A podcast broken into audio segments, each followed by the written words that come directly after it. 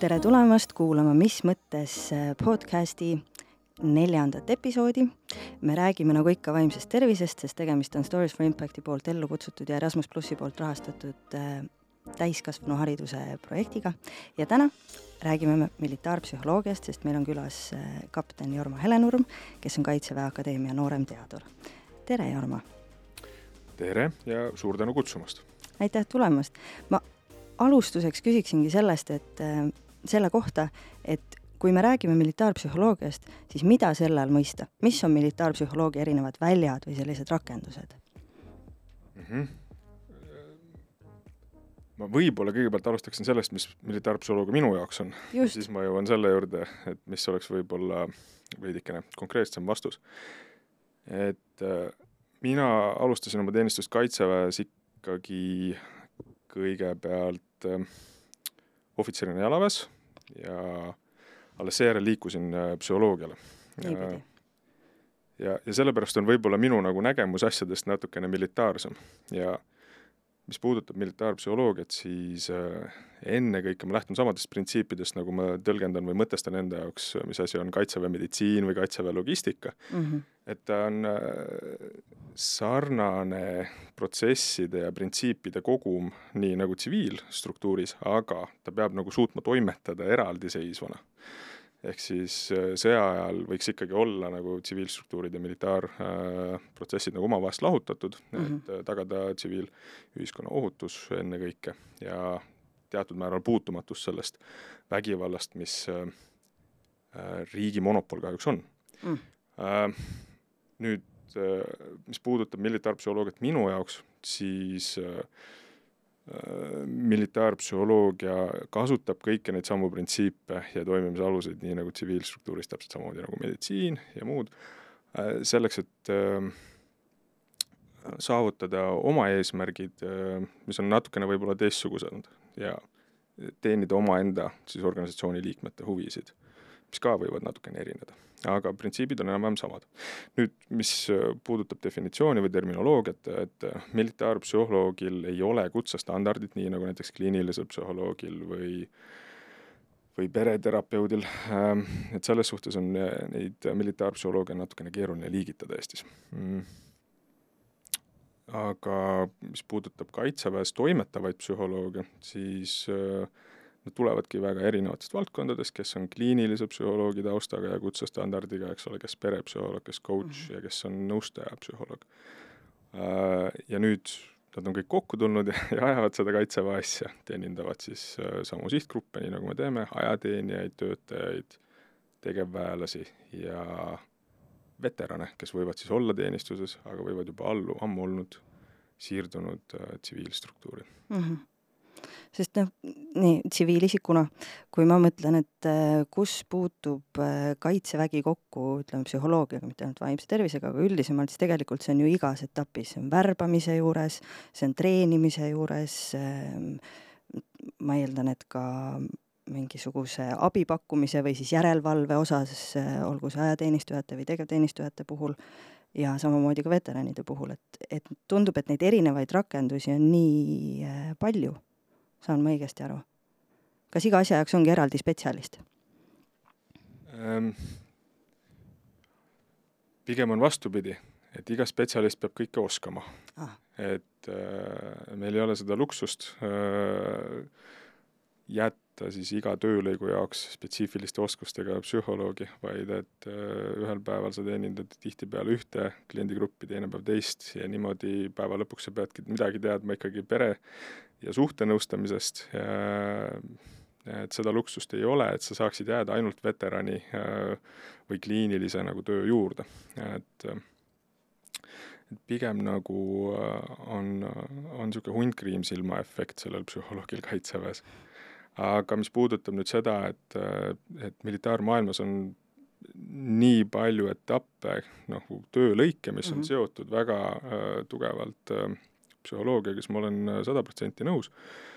et äh, kui me vaatame juhtimist, milleks äh, noh, kaitsevägi on suurepärane nagu uurimisstander või niisugune polügoon, kui nii võib öelda, kus on ju väga palju erinevaid psühholoogilisi aspekte kogu aeg mängus ja mis kõik mängivad väga suurt rolli, alustades just nimelt valikust mm, -hmm. väljaõppest, testimisest, et, ähm, et siin on psühholoogial väga palju nagu teha ja psühholoogidel, jah Äh, aga kui sa seda juhtimisteemat puudutasid, ma kohe küsikski, et kuivõrd ähm, on militaarne juhtimine viimastel aastatel või aastakümnetel muutunud.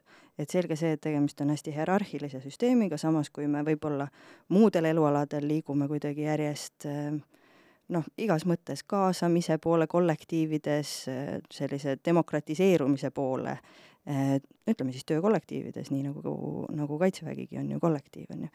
et kuivõrd sõjaväeline juhtimine selle trendiga kaasas käib või, või ei puutu see sellesse maailma? kaitsevägi ei saa toimetada nagu hermeetiliselt eraldatuna mm -hmm. ülejäänud ühiskonnast, et need asjad, mis, protsessid, mis toimuvad ühiskonnas, äh, tulevad kas või nagu ajateenijate väärtushinnangute näol, eks Just. ole, tegelikult siia süsteemi sisse. et ähm, ühelt koosolekult meenub ka see, kus äh, ülem oli väga pettunud ja nördinud, et talle ei saadeta enam ajateenijaid, äh, kellel oleks B-kategooria juhtimisload okay.. Ähm, et äh, kuidas, kuidas me nagu teeme sellist valikut, et nagu väeosa, millel oleks nagu väga vaja autojuhte, ei saa enam autojuhte, et kuhu nad siis saadetakse, eks ole. ja, teine inimene, kes just nimelt selle värbamise ja valikuga ja nagu siis selle sihtgrupiga tegeleb, ütles, et aga, aga kas sa oled nagu silma hoidnud selle protsessi peal ka, millest sa räägid, et mis ühiskonnas toimub, et palju nagu noored praegu juhilubasid nagu üldse taotlevad. Mm.. et, ähm, et vahel äh, see juhtub, et ähm, militaarelukutse esindajad jäävad nagu veidikene võib-olla oma mulli, et nad ei ole päris nagu kursis sellega, mis tsiviilmaailmas toimub, aga teisest küljest ei saa sellele silmi kinni panna, et see tuleb nagu äh, äh, kaitseväe maailma sisse nii või naa. Ja mis puudutab nüüd juhtimisprintsiipe, et äh, me saame nagu võtta neid äh, muutusi sisse omaenda äh, juhtide koolitamisesse mingil määral, sest et alati peab selle militaarjuhtimise eripäraga arvestama mm, -hmm. milleks on hästi suur vea talumatus ja ajakriitilisus. et demokraatiaks nendes olukordades alati väga palju nagu ruumi ei jää mm, -hmm. mis puudutab nagu rahu ja juhtimist ja õppimist ja äh, ja eriti oma vigadest õppimist, siis sinna kindlasti on ruumi veel seda juurde tuua. ja kuidas tagasisidestada inimestele nende, äh, nende häid äh, sooritusi, halbu sooritusi ja äh, seda ma arvan, et ja väidan, et me teeme aina rohkem ja rohkem ja aina efektiivsemalt ka et äh, sa mainisid enne, et on ka täiesti coach'i taustaga inimesi äh, siis äh, kaitseväe psühholoogide hulgas.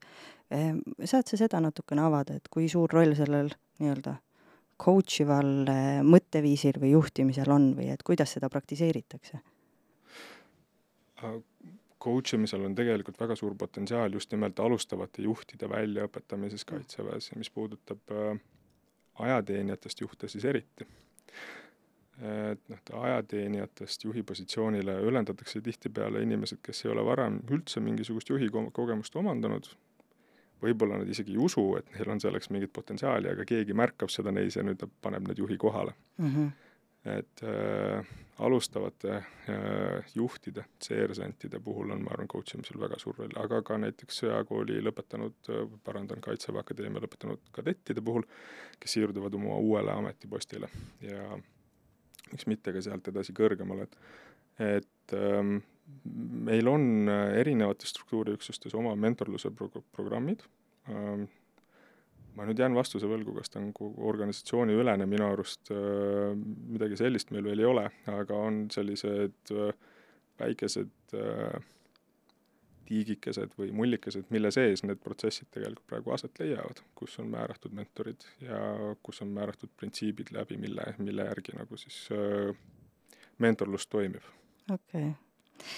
et teine asi, mida sa mainisid, oli, et vahel tuleb olla ka pere ja suhtenõustaja või terapeut. millises olukorras äh, ennast sellise küsimusega võib silmiti, silmitsi leida, et, et tuleb seda poolt nõustada?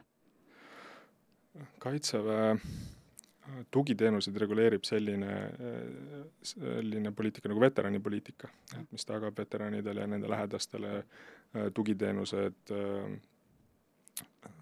ette nähtud määral, küll aga piiramatuks ajaks. Mm.. et see tähendab seda, et veteranid, kellel on tekkinud probleeme nende missioonist või teenistusest tulenevalt oma füüsilise või vaimse tervisega, siis tegelikult nende pereliikmete nõustamine ka mm. äh, lähtuvalt veteranipoliitikast äh, on tegelikult Kaitseväe ülesanne. ja see on näiteks üks koht, kus me puutume kokku sellega, et äh, paljud meist, kes on võib-olla harjunud ainult ajateenijaid või tegevväelasi või veterane nõustama, avastavad ennast üks hetk, et et kuidas aidata sellel veterani kaasal üle elada võib-olla järgmine äh, missioon või äh, raske periood äh, missiooni järel mm. -hmm. et äh, need on sellised näit-, esimesed näited, mis pähe tulevad. selge. aga kuidas sa tunned, et kas äh, täna sellel äh, Ukraina sõja foonil noh, mulle tundub, et meie ühiskond on ka kuidagi militariseerumas või et mingis mõttes, kui paar aastat tagasi veel enne sõja algust Ukrainas Äh, oli paljudel inimestel luksus öelda, et ma ei tea see, see kaks protsenti riigieelarvest on ikka ülearu ja et, et ähm, identifitseerida ennast natuke enam patsifistina ja võib-olla ähm, jah, ma ütlengi niipidi, et inimesed ei mõelnud sõjale nii palju, tundsid ennast kuidagi ohutumalt, siis viimase aasta-pooleteise jooksul on ju tegelikult hästi palju, esiteks sõjauudised, kaasaelamine, põgen-, põgenike aitamine, ma ei tea, varjevõrkude punumine et äh, tajud sa seda, et tsiviilelanikkond on ikkagi ka kuidagi järjest enam, ma ei tea, militariseerumine võib-olla ei ole õige sõna, aga kuidas sina seda nimetaksid? ma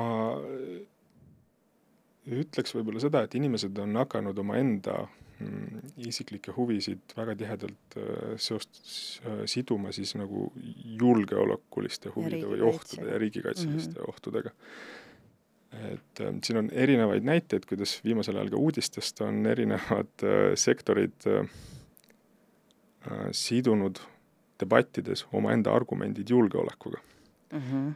et äh, seoses julgeolekuohtude või julgeolekukaalutlustega, nimetame seda, kuidas ta, tahame. aga ma arvan, et äh, ka väga väikesed otsusekohad tsiviilühiskonnas tänapäeval tegelikult on väga tugevasti seotud äh, ju selle julgeolekusituatsiooniga, mis on. ja sellepärast ma ei nimetaks seda militariseerumiseks mm, -hmm. aga nagu ma arvan, et äh, et kui, kui varem eestlane kaalus nagu seitse korda enne lõikamist, et siis nüüd ta kaalub nagu kaheksandat korda ka veel, et see kaheksas kaalumine on see julgeolekukaalutlus, eks ole, mis sinna otsa on lisatud.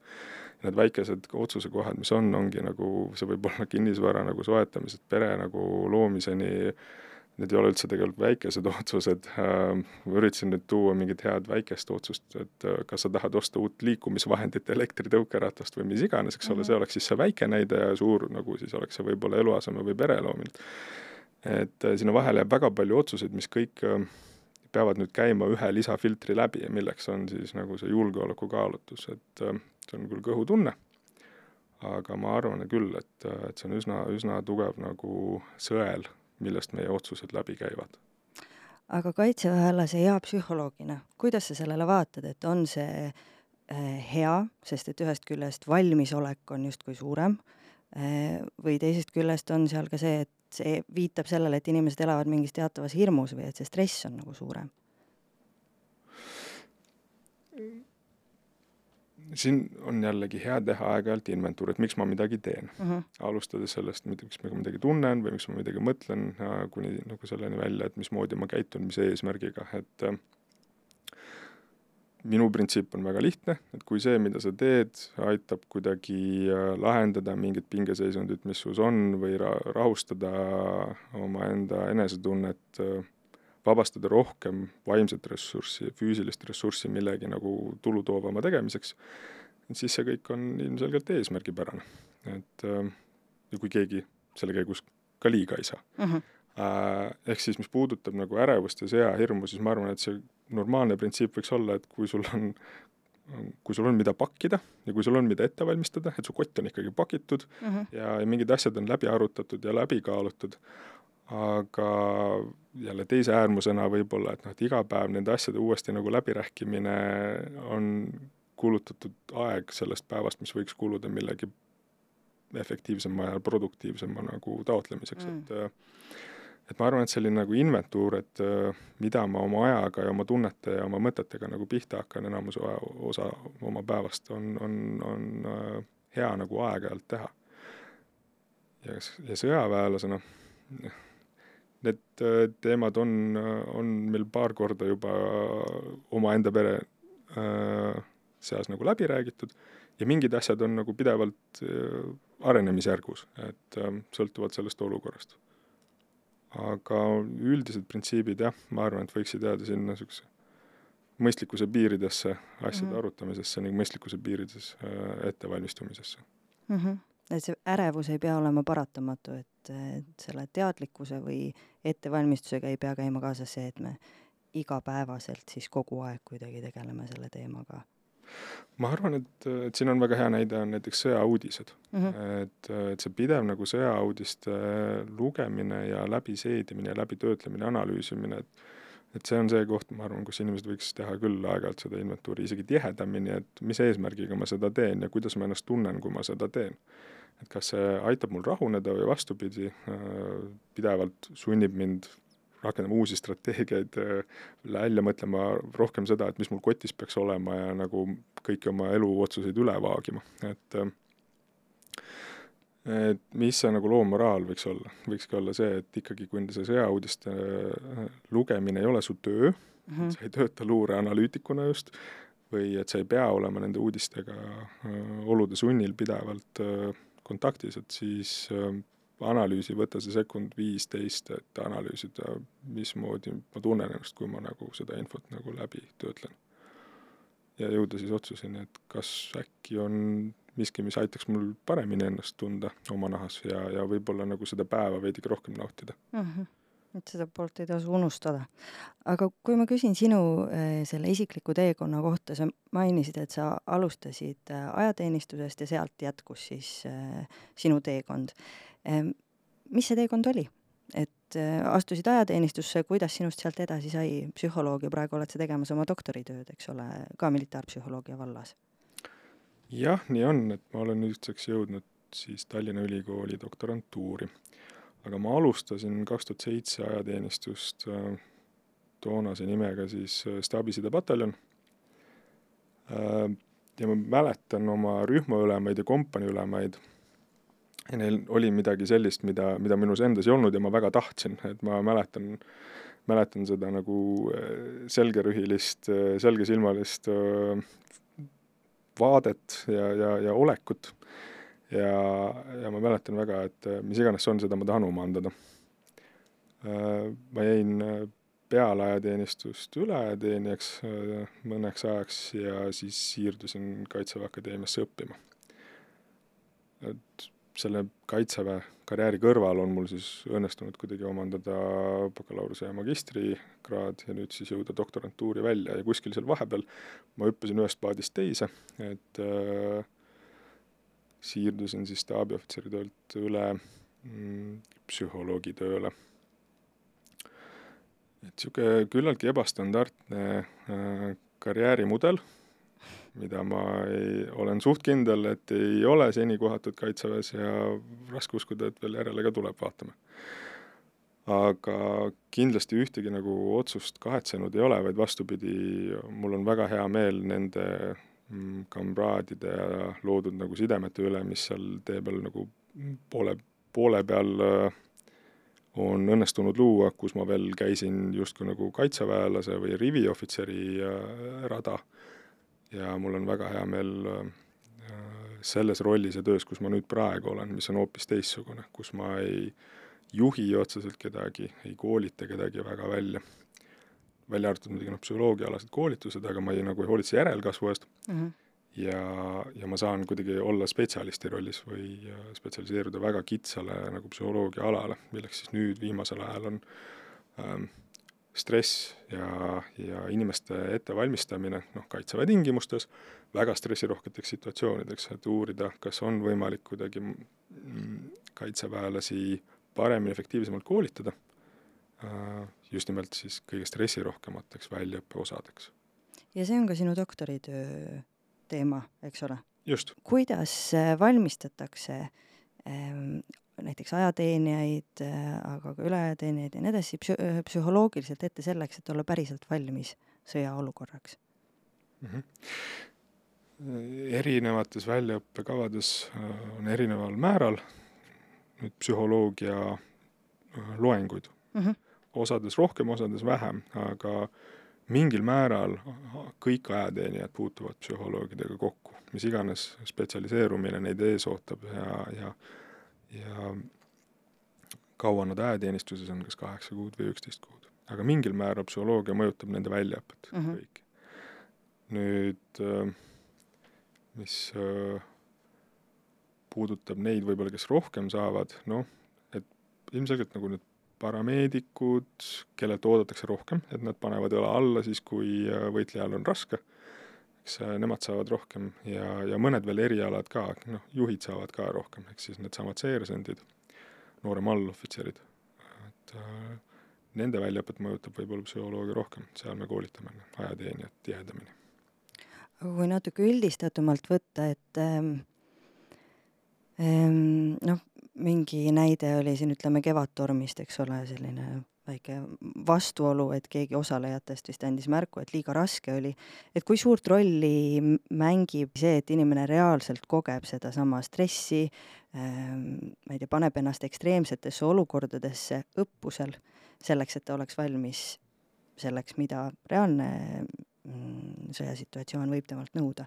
et kas see kõik tuleb enne praktiliselt läbi mängida ja mis piirini, nii et see on jätkuvalt kuidagi tervislik ja toetav?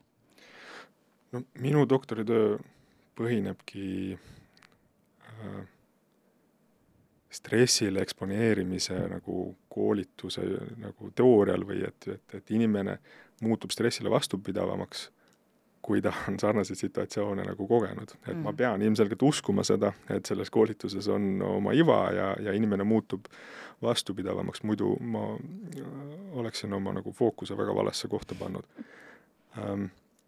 mis aga puudutab no võib-olla nagu konkreetsemaid näiteid ja nüüd noh, kas inimesel on raske või mis mind väga huvitab tegelikult retrospektiivselt, kui ma vaatan oma varem läbi viidud uurimustöid või küsitlusi, mitte ainult siis nagu võib-olla bakalaureuse või, või magistritööd, aga ka mingeid väikseid projekte, et mis mind ennast alati on äh, väga huvitanud ja sellest ma olen alles hiljuti aru saanud, on see, et ikkagi millal inimene alla annab, et äh, mm. millal, et kus see punkt nagu tuleb, et inimene enam ei, ei pinguta ja nagu need äh, võimalikud hüved jäävad siis alla nendele kahjudele mida, mida inimene tunneb, et tekivad, kui ta edasi pingutaks.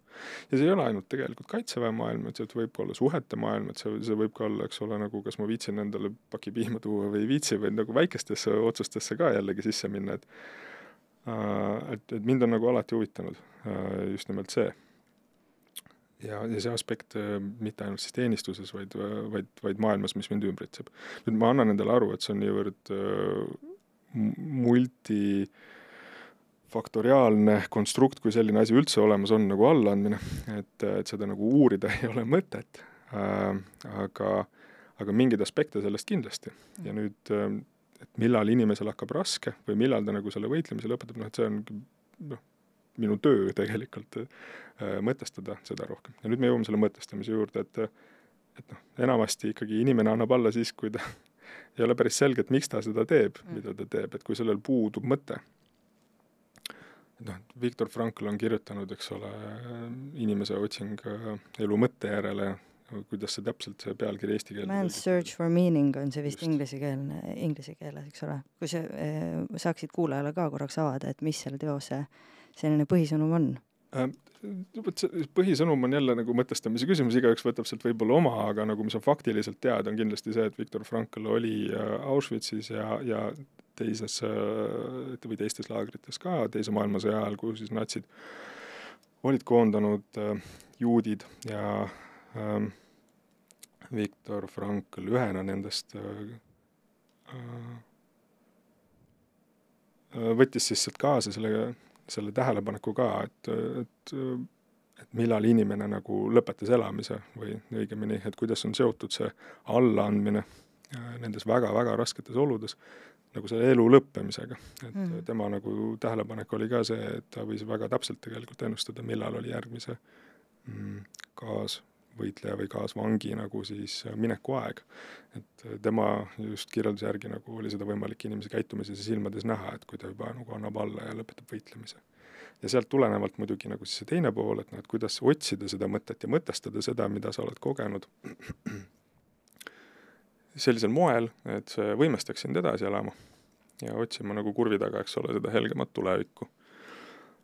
ja, ja, ja siin on jah, tema nagu äh, loodul ja, ja, ja, ja tema võib-olla nägemusel väga suur ühispind sellega, et noh, mida ma ise usun, et et et praegu ka toimib ja, ja mis võib-olla nagu ka haakub selle konkreetse näitega, mis sa tõid äh, reservõppustest, et kui tegelikult ei ole nagu selge, et mille nimel äh, inimene nagu tegutseb ja võitleb, et siis on nagu see punkt oluliselt lähemal, kus ta äh, tunneb, et liiga raske on mm. -hmm.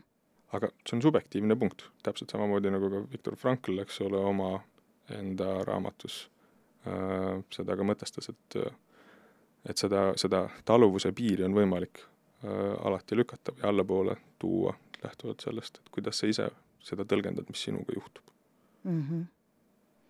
ja noh, ma kujutan ette, et äh, kaitseväes see narratiiv, et mille eest võideldakse, on tegelikult üsna tugev ja selle järgi vaadatakse, et, et võitlejatel oleks motivatsioon ehm,. aga lisaks sellele, kas on ka mingisugused, ma ei tea, isikuomadused või muud faktorid, mis äh, kuidagi äh, aitavad ennustada või mõista, et kes on hea, kellest saaks hea sõjaväelane, kes on vastupidav sellises äh, kõrge stressi olukorras, äh, kes, kelle jaoks see punkt kuskil võimalikult kaugel on mm. -hmm et äh, nüüd on üks tõlkeprobleem, et, et sõna, mida inglisekeelses teadusmaailmas mõistetakse väga konkreetse nagu asjana nagu resiliency ja resilience mm -hmm. on eesti keelde väga mitmel moel tõlg-, tõlgitud, ehk siis ähm, militerm näeb ette, et ma tõlgendaksin seda kerksusena. Äh, õige, õige terminoloogia. meie jaoks on kerksus, aga kes on võib-olla mõnest teisest äh, akadeemilisest äh, kogukonnast, et siis ma nende jaoks ütlen ka, et ma ma mõtlen selle all siis kas säilenõtkust või elastsust või kuidas iganes teie jaoks ähm, parem seda nimetada on. kaitseväe jaoks on selle asja nimi kerksus ja kaitseväed üle maailma panevad väga palju tegelikult ressursse selle alla, et just nimelt vaadata, et mis see kerksus on, kuidas seda saab kasvatada, mil määral seda on vaja mingitesse ametikohtadesse, et luua siis vastavaid profiile mm., mida võrrelda värvatavate inimestega. et kui palju seda kerksust peab olema, muidugi seal on teisi faktoreid ka, aga kerksus on viimasel ajal äh, ütleme niimoodi, viimase kahekümne aasta jooksul äh, vägagi äh, põhjalikult uuritud niisugune konstrukt. ja ma arvan, et siin ka meie enda äh, kaitseväes on, on viimasel ajal seda aina rohkem vaadatud. et just nimelt võib-olla selles kontekstis, et millistes rollides võiks seda rohkem olla mm, -hmm. millistes rollides võib-olla see ei ole nii oluline. millistes rollides see on kõige olulisem mm? -hmm. et äh, sellised ametikohad, kus on ähm, veataluvusmäär oluliselt madalam ja nagu riskid on suuremad mm.. et äh, kindlasti me võime rääkida sellest, et erioperaatorite või erioperatsioonide väejuhatuses tervikuna äh, võiks eeldada, et see äh, kerksuse määr on oluliselt kõrgem kui võib-olla mis iganes staabiohvitseride seas mm -hmm. kuskil, eks ole, kas äh, võtame mis iganes tagalas opereeriva pataljoni, eks ole, et äh, kus see nagu ei ole niivõrd määrav, aga äh, väeliikide ja töölõikude osas, kus äh, stress on paratamatu nagu töö osa ja, ja mida rohkem stressi, võib-olla siis isegi seda paremini inimesed töötavad äh,, siis seal kindlasti inimeselt oodatakse nagu väga suurt stressitaluvust. aga sellises ütleme, sõjaolukorras kas see, millisena seda tajuvad või et kus see nii-öelda säilenõt-, kui suur see säilenõtkus või kerksus ähm, on, kas see on, ähm, kuidas öelda, et kas teenistuja või võitleja tajub seda ka kuidagi erinevalt kui näiteks tsiviilisik, et kui, kui äh, mingis ühiskonnas on sõda, siis kas äh, seda tajutakse kuidagi väga erinevalt vastavalt sellele, et kas inimene on ametlikult võitleja või on ta tsiviilelanikkonnas, kes ka tegelikult ju paratamatult selles kõiges osaleb?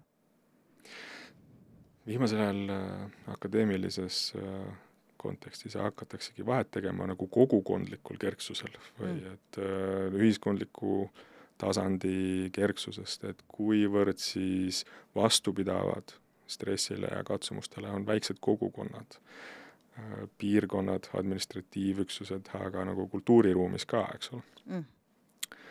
sest et mm, sealt edasi nagu nüüd, kui mõelda, et äh, mi-, mingid äh, grupid muutuvad haavatavamateks sõja ajal, mõned nagu vähem haavatavateks, mõned rohkem haavatavateks, siis võib-olla nagu ühiskonna nagu niisugusteks gruppideks jaotamine, nende kerksuse mõõtmine ja hindamine tegelikult tundub täitsa nagu mõistlik mõte mm. -hmm. et näha seda, et kus meie haavatavused on ja nüüd noh, räägib minust muidugi see kaitseväelane, kaitseväelase pool, et, et valmistada võib-olla need grupid paremini ette nendeks võib-olla mõjutustegevusteks, mida vastane kavatseb teha, või nendeks äh, kriitiliselt äh, määravateks nagu mõjudeks, mida sõda endaga kaasa toob mm. -hmm.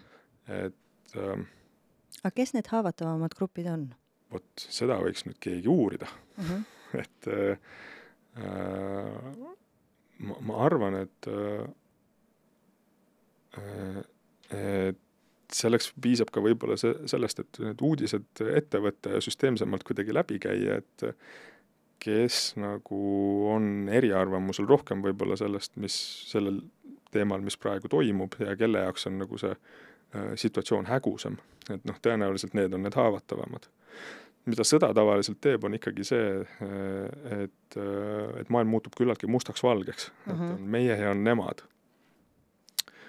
et kus on nüüd need hallid, hallimad toonid vahele segatud ja kus see maailmapilt võib-olla nii se-, selge ei ole, et, et, et sinna tasuks sisse vaadata ja, ja ja mõelda, et kuidas nende ühiskonnagruppide seda kerksust ja vastupidavust mõjutustegevusele, aga ka negatiivsele noh, negatiivsetele mõjudele, mida sõda iseendaga kaasa toob ja selle see segadus ja see määramatus mm, -hmm. et, et, et seda nagu kerksust võib-olla suurendada aga mis need mõjutustegevused on ja kas see on oluline, et ka tsiviilelanikkond oleks kuidagi teadlik neist äh,, nendest tööriistadest nii-öelda, mida ju samamoodi kasutatakse? jaa, et äh, noh, ma arvan, et enamik meist on kuulnud äh, hübriidsõja terminit äh, kes on rohkem võib-olla lugenud, on siis kuulnud sellist, selliseid termineid nagu psyops või psühholoogilised operatsioonid ja, ja, ja nii edasi ja nii edasi, strateegiline kommunikatsioon, mis tegeleb, eks ole, meie oma kultuuriruumi, meie oma riigi kaitsmisega nende asjade vastu. ja, ja, ja palju muid sfääre ka, aga mida nagu konkreetselt tehakse nende vastu, ma arvan, et üks suurimaid edulugusid on meie enda äh, riigikaitseõpetus, äh, kus tegelikult väga juba noorest east inimesele kuidagi antakse ülevaade, et mis on need ohud, mis on need raamistikud, kus meie ja nemad opereerivad mm., meie opereerime, et ähm, mida me peame silmas pidama ja, ja milline on see hea ettevalmistuse aste ja milline on see mitte nii hea või et kust, kust võiks nagu, eks ole, veel parandada et, et ma arvan, et riigikaitseõpetus on üks niisugune väga kõva alustala, kus pannakse see kaitse just nimelt nendele mõjutustegevuste nagu vastuhakuks. aga kas meil riigikaitseõpetust täna saavad kõik äh, kooli lõpetajad? veel ei saa. veel ei saa? aga väga suur osa ja noh, eks ole, nüüd äh, nüüd on ka uudistest läbi käinud, et selle ainekava kohustuslikuks muutmine mm, -hmm. aga aga võib-olla ma siia kinni ei jääks, et siit, äh, kui edasi minna, noh, teine väga suur edulugu on ajateenistus ise, et äh, me saame iga aasta kuldlõike äh, ühis, ühest ühiskonnagrupist, kes kõik on sunnitud vaatama Aktuaalset kaamerat õhtuti eesti keeles, mis ei ole üldse väike asi, kui sa tuled muukeelsest ühiskonnast ja oled mm. Äh, elanud aastaid hoopis teises kultuuriruumis. ja mm, mingis mõttes nagu väga lühikese osa küll nende mm, noormeeste ja naiste nagu elatud elust, nad on sunnitud asjast ühtemoodi aru saama. ja, ja ühel moel tegutsema Äh, rääkimata sellest, et ajateenistus annab võimaluse ka nagu vaadata üle nende tervislik situatsioon, teha armbad korda ja nii edasi ja nii edasi, et siin on väga palju äh, häid asju ja tulevikus ma loodan, et võib-olla see, mida ma uurin äh,, annab ka mm, sisendi koostamaks siis äh, tõhusamat ajateenistuse ettevalmistust, et võib-olla võiks seal ka olla mingi psühholoogiline plokk, mis valmistab ette mm -hmm. inimesed tegelikult äh, stressirohketeks situatsioonideks, lihtsad nõksud, eks ole, kuidas nagu toime tulla. et äh, riigikaitseõpetus, ajateenistus, äh, ma arvan, meie vaba meedia äh, on, on väga äh, tõhus kaitsevahend selle vastu, mida meie vastased üritavad teha. ja üldse võib-olla selle segaduse ja määramatuse vastu, mida keegi isegi tahtlikult ei tee, aga aga see, et meie nagu riigijuhtimise ja, ja asjade arutamise printsiibid on sellised, nagu nad on, ma arvan, et tagavad eestlasele niisuguse edu pandiks oleva nagu paindlikkuse mm, -hmm. kui ma nii võin öelda, ja, ja selle olukorra, kus enamasti head ideed jäävad siiski sõelale. ja, ja meid ei vaeva nagu niisugune väga tugev ähm, kastistumine või, või nagu takistumine mingitesse hierarhiatesse. et mulle endale meeldib vähemalt eestlasest ja Eesti ühiskonnast alati mõelda niimoodi, et see on niisugune väga paindlik, agiilne ähm, kihvt väike loom, nagu siil võiks seda olla mm. -hmm Äh, kelle nagu omavahelises kogukonnas jäävad head ideed äh, äh, pigem nagu sõelale. kui me räägime inimestest, kes siis otseselt lahingus osalevad, olgu need siis praegu ütleme Ukrainas sõja, ütleme siis Ukrainas võitlejad või siis meie oma kaitseväelastest missioonil käi-, missioonidel käijad, mis on levinumad sellised vaimse tervise väljakutsed millega tegevteenistujad äh, silmitsi võivad seista? see, kuidas äh, sõjategevus otseselt nagu psüühikat mõjutab, see varieerub hästi suurel määral. Äh, et lisaks sellele ilmselgele, mis sõjategevus endaga kaasa toob, mis on siis noh, kontrollitunde kaotamine omaenda elu ja selle situatsiooni üle, et või äh, need väga vastikud stressorid nagu noh, tõesti haavata saamine või ka suurtükitule allajäämine, plahvatuste üleelamine. On ka väga palju selliseid stressoreid, mida me tavaliselt ei teadvusta. et lihtsalt äh, väga vastikus kliimas olemine juba nagu al-, algus, eks ole, aga ka lähedastest eemal olemine, see, see pinge, mis sellega kaasneb, mingitest kogemustest ilmajäämine, kuskilt kaugelt nagu vaatamine või koju jõudes nentimine, kuidas su lapsed on suuremaks kasvanud või õppinud midagi ära ja sa ei saanud seal olla. Et seal on hästi palju selliseid äh, väikseid muutujaid ka, mis tegelikult võivad kuhjuda päris suureks asjaks. ja, ja see ei ole nagu ainult ähm, äh, posttraumaatiline stressihäire, millega meie võitlejad kokku puutuvad. tegelikult on noh, posttraumaatilise stressihäirel üsna nagu väike esinemissagedus äh, ja, ja tõenäosus äh, saada endale meeleoluhäired, äh, eks ole, nende erinevate väikeste faktorite kuhjumise tulemusena tegelikult oluliselt suurem.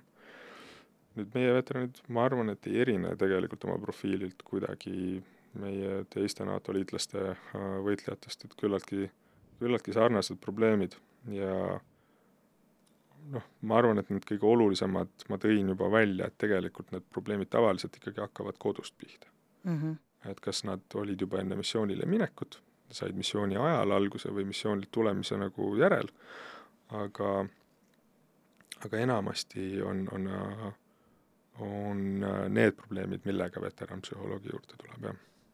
ehk siis suhteprobleemid, meeleoluhäired,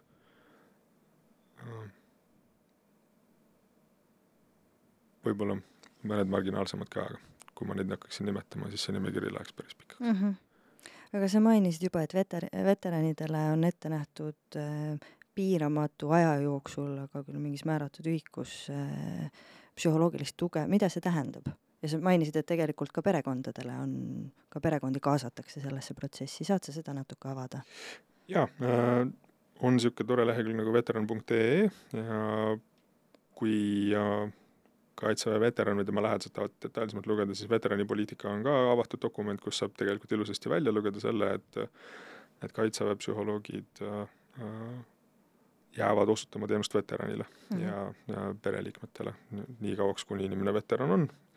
Aga kui kaua on inimene veteran, elupäevade lõpuni? see on võõrandamatu võõrandamatu äh, staatus ja kui ma nüüd ei eksi, kui seal mingeid erijuhtumeid ei ole. ja mm, tingimusel, et need probleemid, millega inimene tuleb või tema lähedased on seotud siis tema kaitseväeteenistusega ja täpsemini siis selle missiooniga, eks ole, et kus mm -hmm. inimene oli um,.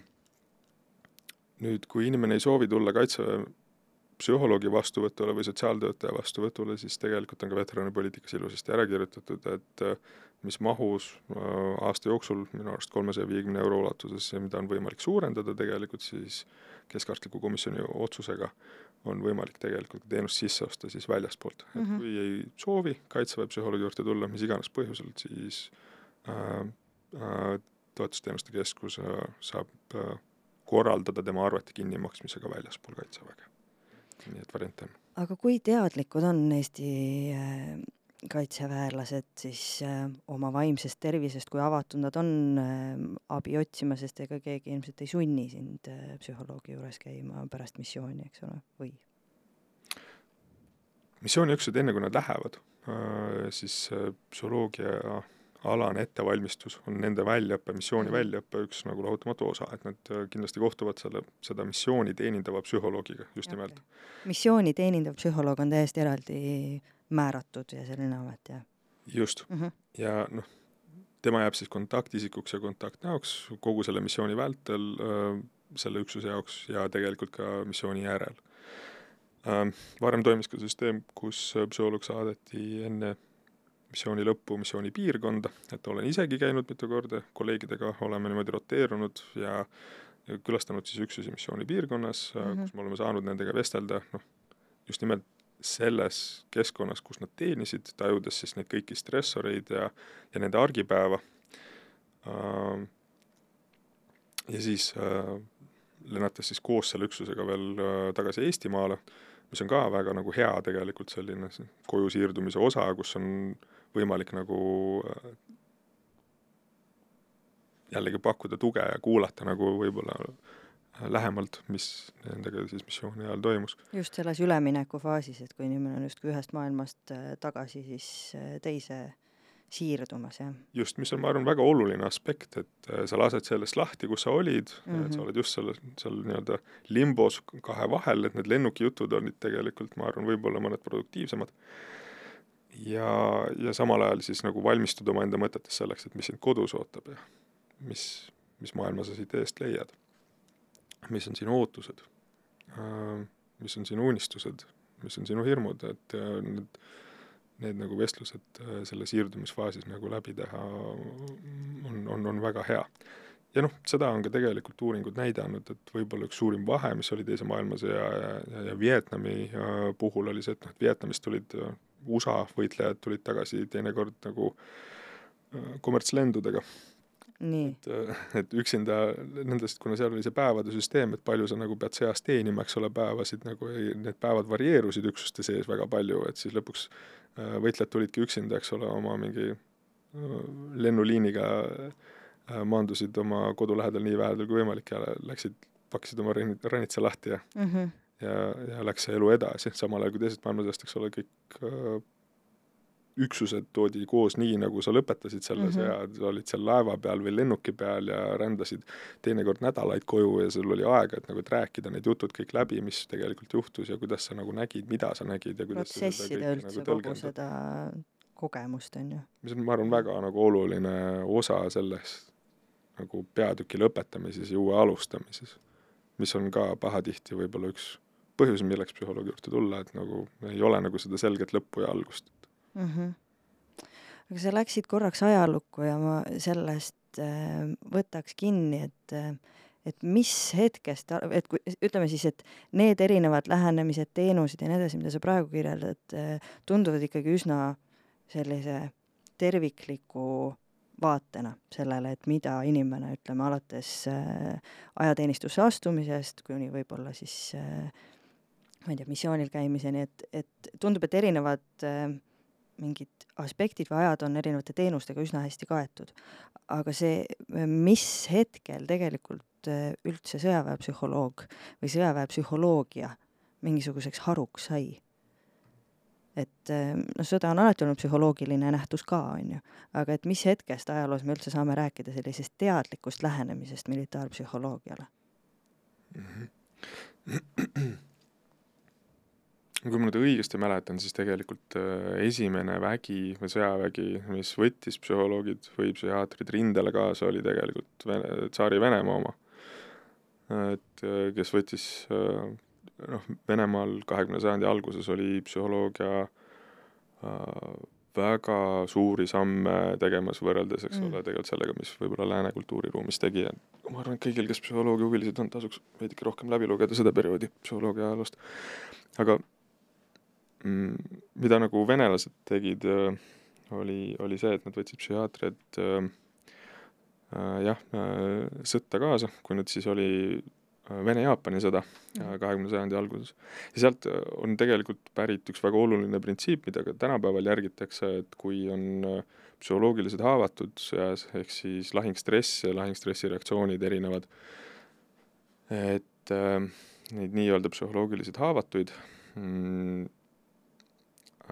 ravida või toetada siis võimalikult lähedal rindejoonele mm.. et äh, kus need on piisavalt ohutuskauguses, et äh, neid ei ole nagu tuletegevusega võimalik mõjutada, aga samas, et nad kuuleksid nagu paukusid. on see niisugune nagu lihtsustatult see printsiip. sest et mida kaugemale sa kannatanu viid tegelikult rindejoonest ja omaenda üksusest, kuhu ta kuulub, seda noh, peaaegu jah, peaaegu lineaarses seoses on see, et mida kaugemale seda viid, seda tõenäolisemalt ta enam sinna tagasi ei tule mm. -hmm. et ähm, see oletatav loogika seal taga on see, et, et see side nagu üksusega kaob ja see nagu kodu läheneb ja see võimalus, eks ole, et, et ma ei tahagi sinna tagasi minna, et kuni mu nagu see situatsioon halveneb ja mis iganes põhjused äh, veel mängus on, et see, see sõdur nagu ei naase. aga jah, venelased nagu panid selle tegelikult kirja juba nagu Vene-Jaapani sõjas, et mis näitab, et noh, et psühhiaatrid olid kohal, nad mhm. analüüsisid ja nad vaatasid tegelikult seda, et mis inimese psüühikaga sõjas toimub. esimese maailmasõja ajal juba tegelikult oli selline punt nagu eksperimentalistid, kus olid siis Ameerika psühholoogid, kes said äh, Ameerika äh, kaitseväe äh, tingimustes uurida erinevaid psühholoogilisi fenomene ja mida nagu siis inimese psühholoogia teeb sõja ähm, tegevuses, äh, peamiselt muidugi tegelesid toona küll psühholoogid inimeste valikuga. Ja noh, teises maailmasõjas, kus psühholoogia ja sõjapidamine ja armeede huvid ja psühholoogia huvid olid omavahel vägagi tihedas seoses äh,, said tegelikult Ameerika psühholoogid üsna vabad käed uurimaks mm, seda, et millised psühholoogilised aspektid mängivad rolli sõjapidamises ja kuidas teha valikuid, kuidas valida õigeid inimesi õigetesse mm kohtadesse, kuidas teha paremaid ja tõhusamaid tervisekontrolle, et inimesed ei saaks näiteks petta seda, et kas nad on kurdid või, või et ei oska lahutada, eks ole, IQ, IQ-testid, see kurt, kurtuse teesklemine on omaette teema, et noh, et väga lihtne oli vanasti ju saada ära sellega, et sa väitisid, et sul ei ole kuulmist ühest kõrvast. aga seda on väga lihtne kontrollida. et sa paned sellesse kuul-, kõrva, kus sa väidad, et ei ole, eks ole, nagu pininat, et sa ei kuule midagi, paned nagu väiksema pinina kui teise kõrva, mis inimene väidab, et on tervem kõrv. ja nüüd sa la-, noh, ühesõnaga, kui me paneme erineva tugevusega pinina, siis äh, siit, siit kõrvast ma kuuleksin, sellepärast et siin on see tugev pinin ja siin ma ei kuuleks midagi, sellepärast et siin on väga väike pinin. ja kui nüüd inimene väidab, et see terve kõrv, et siin ei olnud pininat, aga mida me kõik tegime, oli see, et me lihtsalt lasime siia väiksema pinina, mis karjus üle sees, me teame, et tal mõlemad kõrvad ku-, kuulevad okay.. me oleme üle trumbanud selle, eks ole.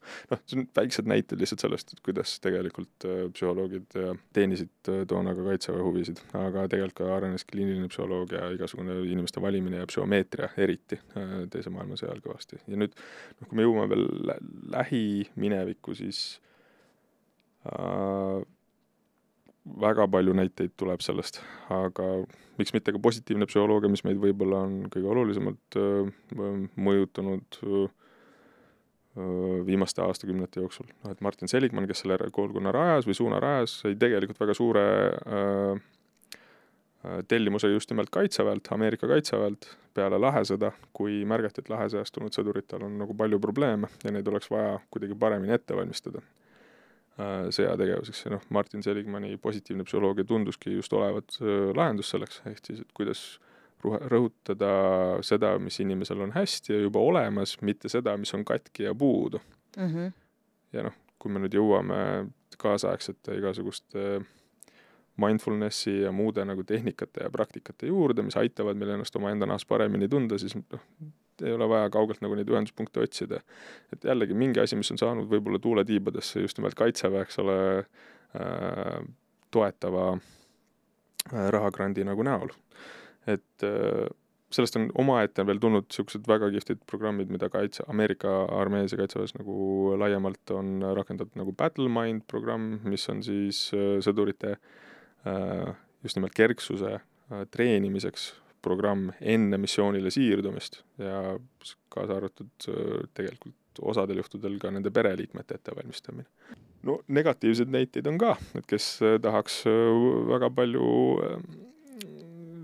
sisse kaevuda, et vaadata, mida on, eks ole, ka viimase kahekümne aasta jooksul tegelikult tulnud, noh, Guantanamo vangilaagri puhul, eks ole, suur probleem, mis tegelikult tuli välja, oli see, et Ameerika enda kliinilised psühholoogid töötasid välja äh, ülekuulamismetoodikaid mm., mille tegelik sisu oli äh, üsnagi sarnane piinamisega.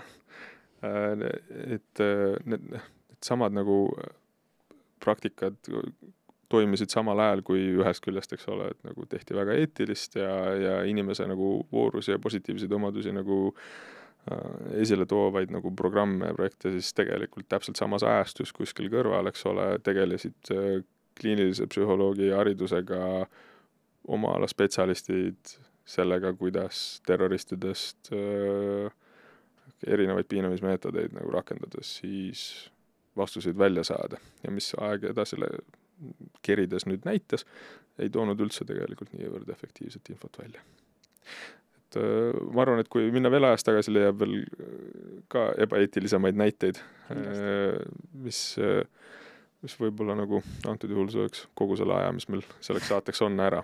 aga, aga kindlasti on ajaloos nii positiivseid kui negatiivseid näiteid.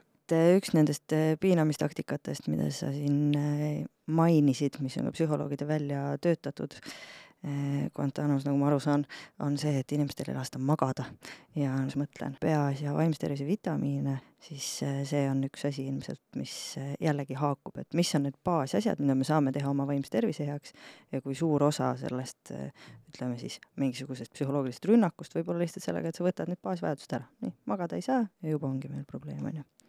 absoluutselt, et noh õhuta saame olla väga väikse aja, natukene kauem saame olla joogita, natukene kauem ilma uneta ja natukene sellest veel kauem, eks ole, söögita, et et muidugi äh, manipuleerides äh, nende nagu vajaduste rahuldamisega on võimalik inimene väga kiirelt nagu tasakaalust välja viia ja, ja vot, vot, vot see on jällegi üks niisugune asi, mida meil kõigil nagu tasub nagu jälle aeg-ajalt nagu kaaluda, et kui hästi mul nende asjadega on, vajadusel isegi need asjad välja kirjutada, sest meie enda mõte ja mälu ei ole just kõige paremad tunnistajad kohtus tihtipeale, et selleks pane kirja nagu seda, et kuidas sa ise praegu hetkel hindad mm -hmm. omaenda skaalal, mille sa välja mõtled, et kuidas sul selle une ja heaolu ja emotsioonide ja sotsiaalsete suhetega ja, ja ja liigutamisega on.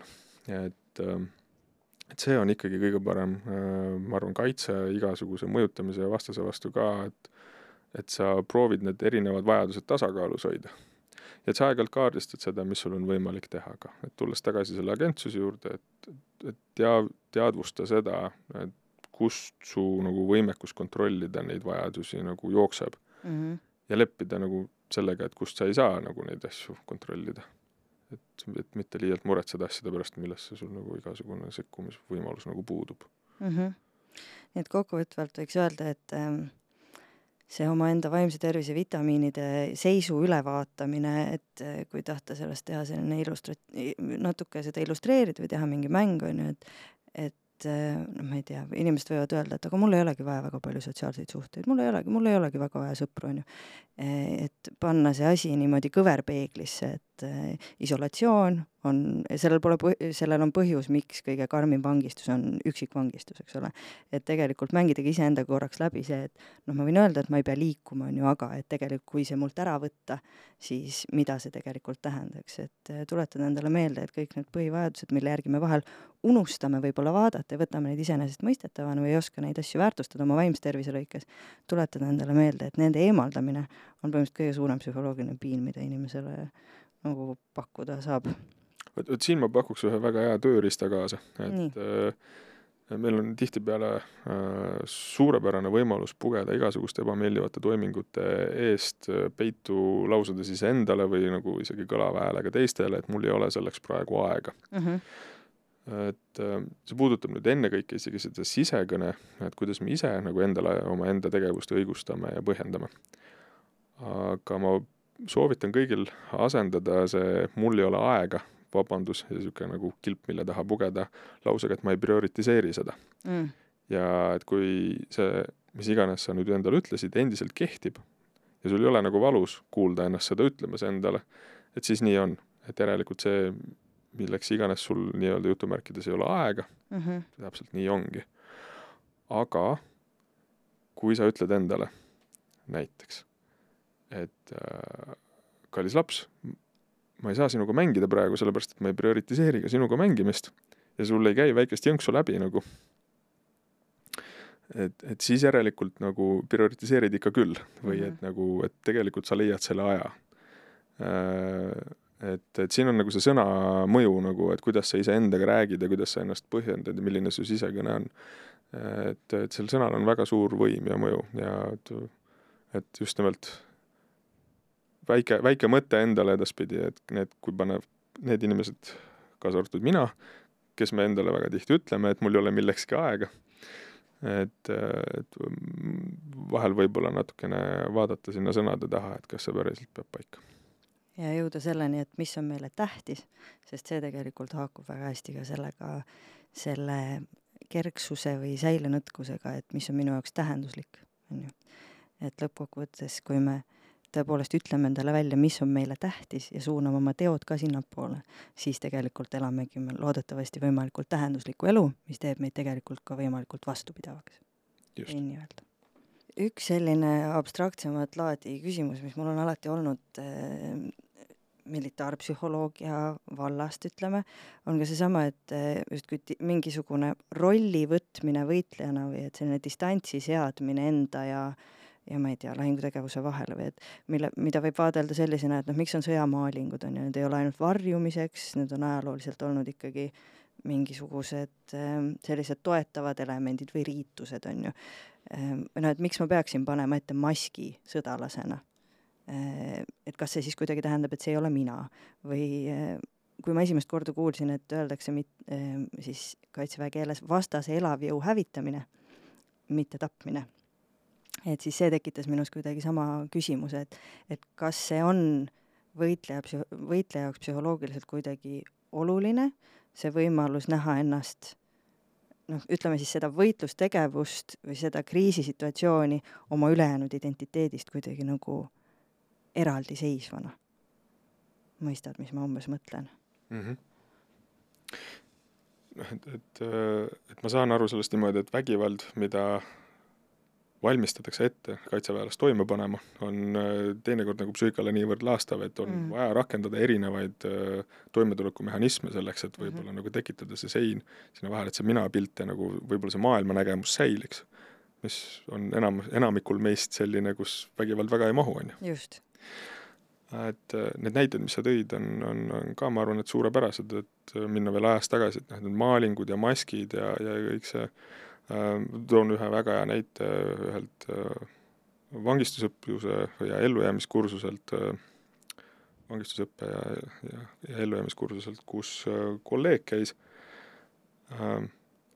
kus teda kuulas üle üks naissoost nii-öelda isik, kes mängis siis vangistajat mm. -hmm. ja, ja peale seda, kui ta oli siis selle nagu õppuse nagu läbi, läbi teinud siis ta soovis seda vangistajat nagu üles otsida, et temaga rääkida, sellepärast et ta oli teda, ta oli endast välja läinud ja teda asunud ka sõimama võõrkeeles. aga ta ei leidnud teda kuskilt ja siis ta küsis kelleltki, et noh, et kus on see ülekuulaja, kes minu, mind töötles. ja talle näidati hoopis nagu tundmatuseni muutunud nägu, et, et kui ülekuulajal olid mustad juuksed ja pruunid silmad, siis see oli siniste silmadega blond äh, daam mm. -hmm.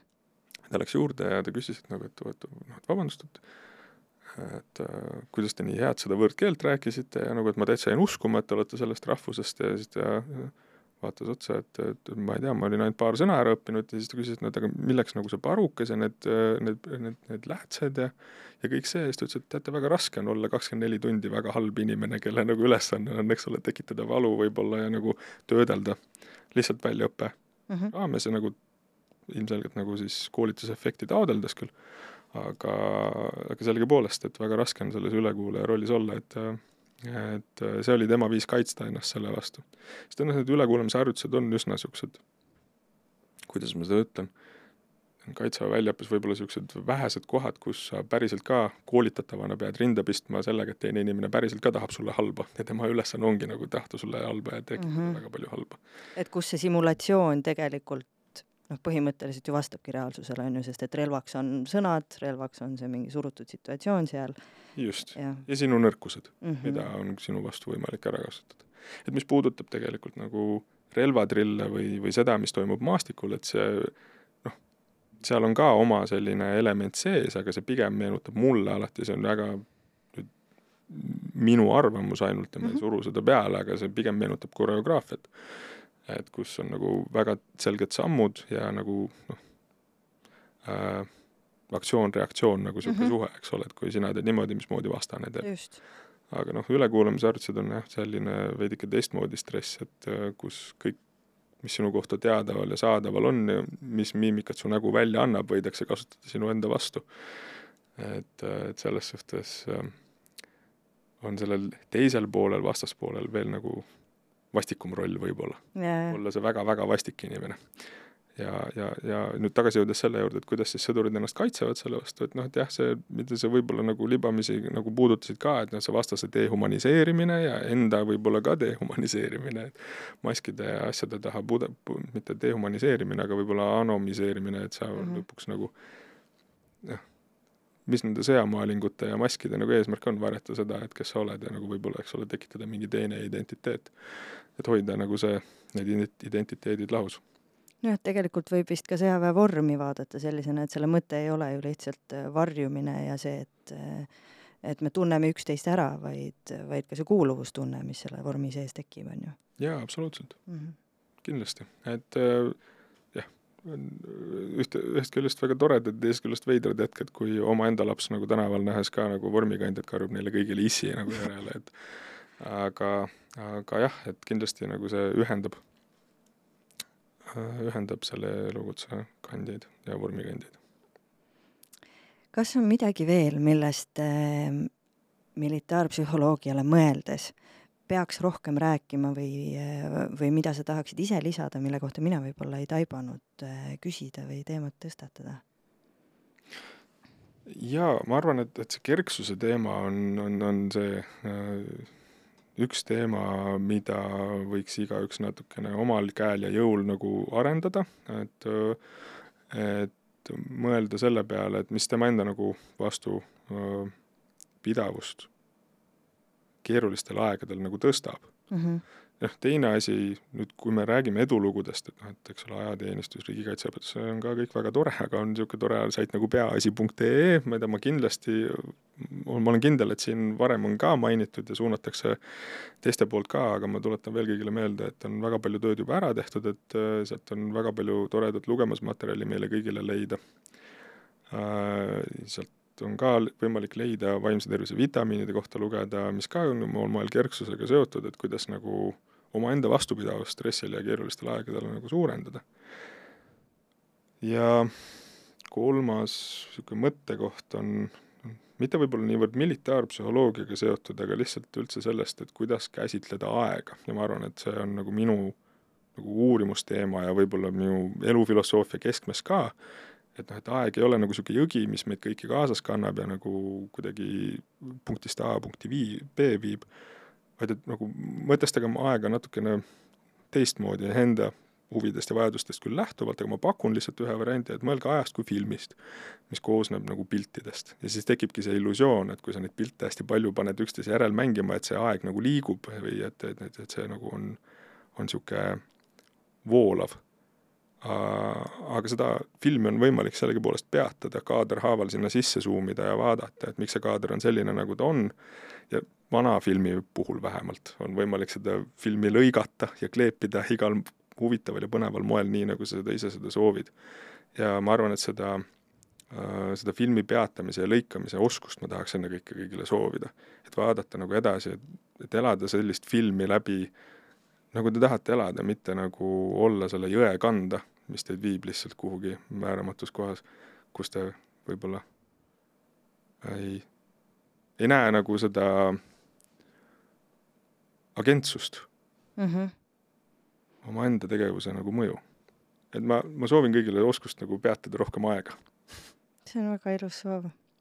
suur aitäh sulle, Jorma, täna stuudiosse tulemast ja, ja neid teemasid lahti rääkimast, sind oli väga huvitav kuulata. aitäh, et äh, lasid mul äh, niimoodi siin ventileerida ja ennast üheks rääkida militaarpsühholoogia teemadel ja äh, peatsete kohtumisteni just.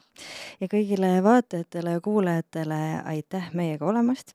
Eh, me loodame, et see tänane episood andis teile nii mõndagi huvitavat mõtteainet, kui see nii oli, siis kindlasti jagage seda Stories for Impacti lehtede nii Facebookis, LinkedInis, Instagramis. Eh, märkige ennast selle podcasti subscribe'ijaks, sest et meil on ka ees seismas väga palju huvitavaid ja olulisi teemasid ja kõnelejaid. nii et järgmise korrani kohtume taas Mis mõttes podcastis. Thank you.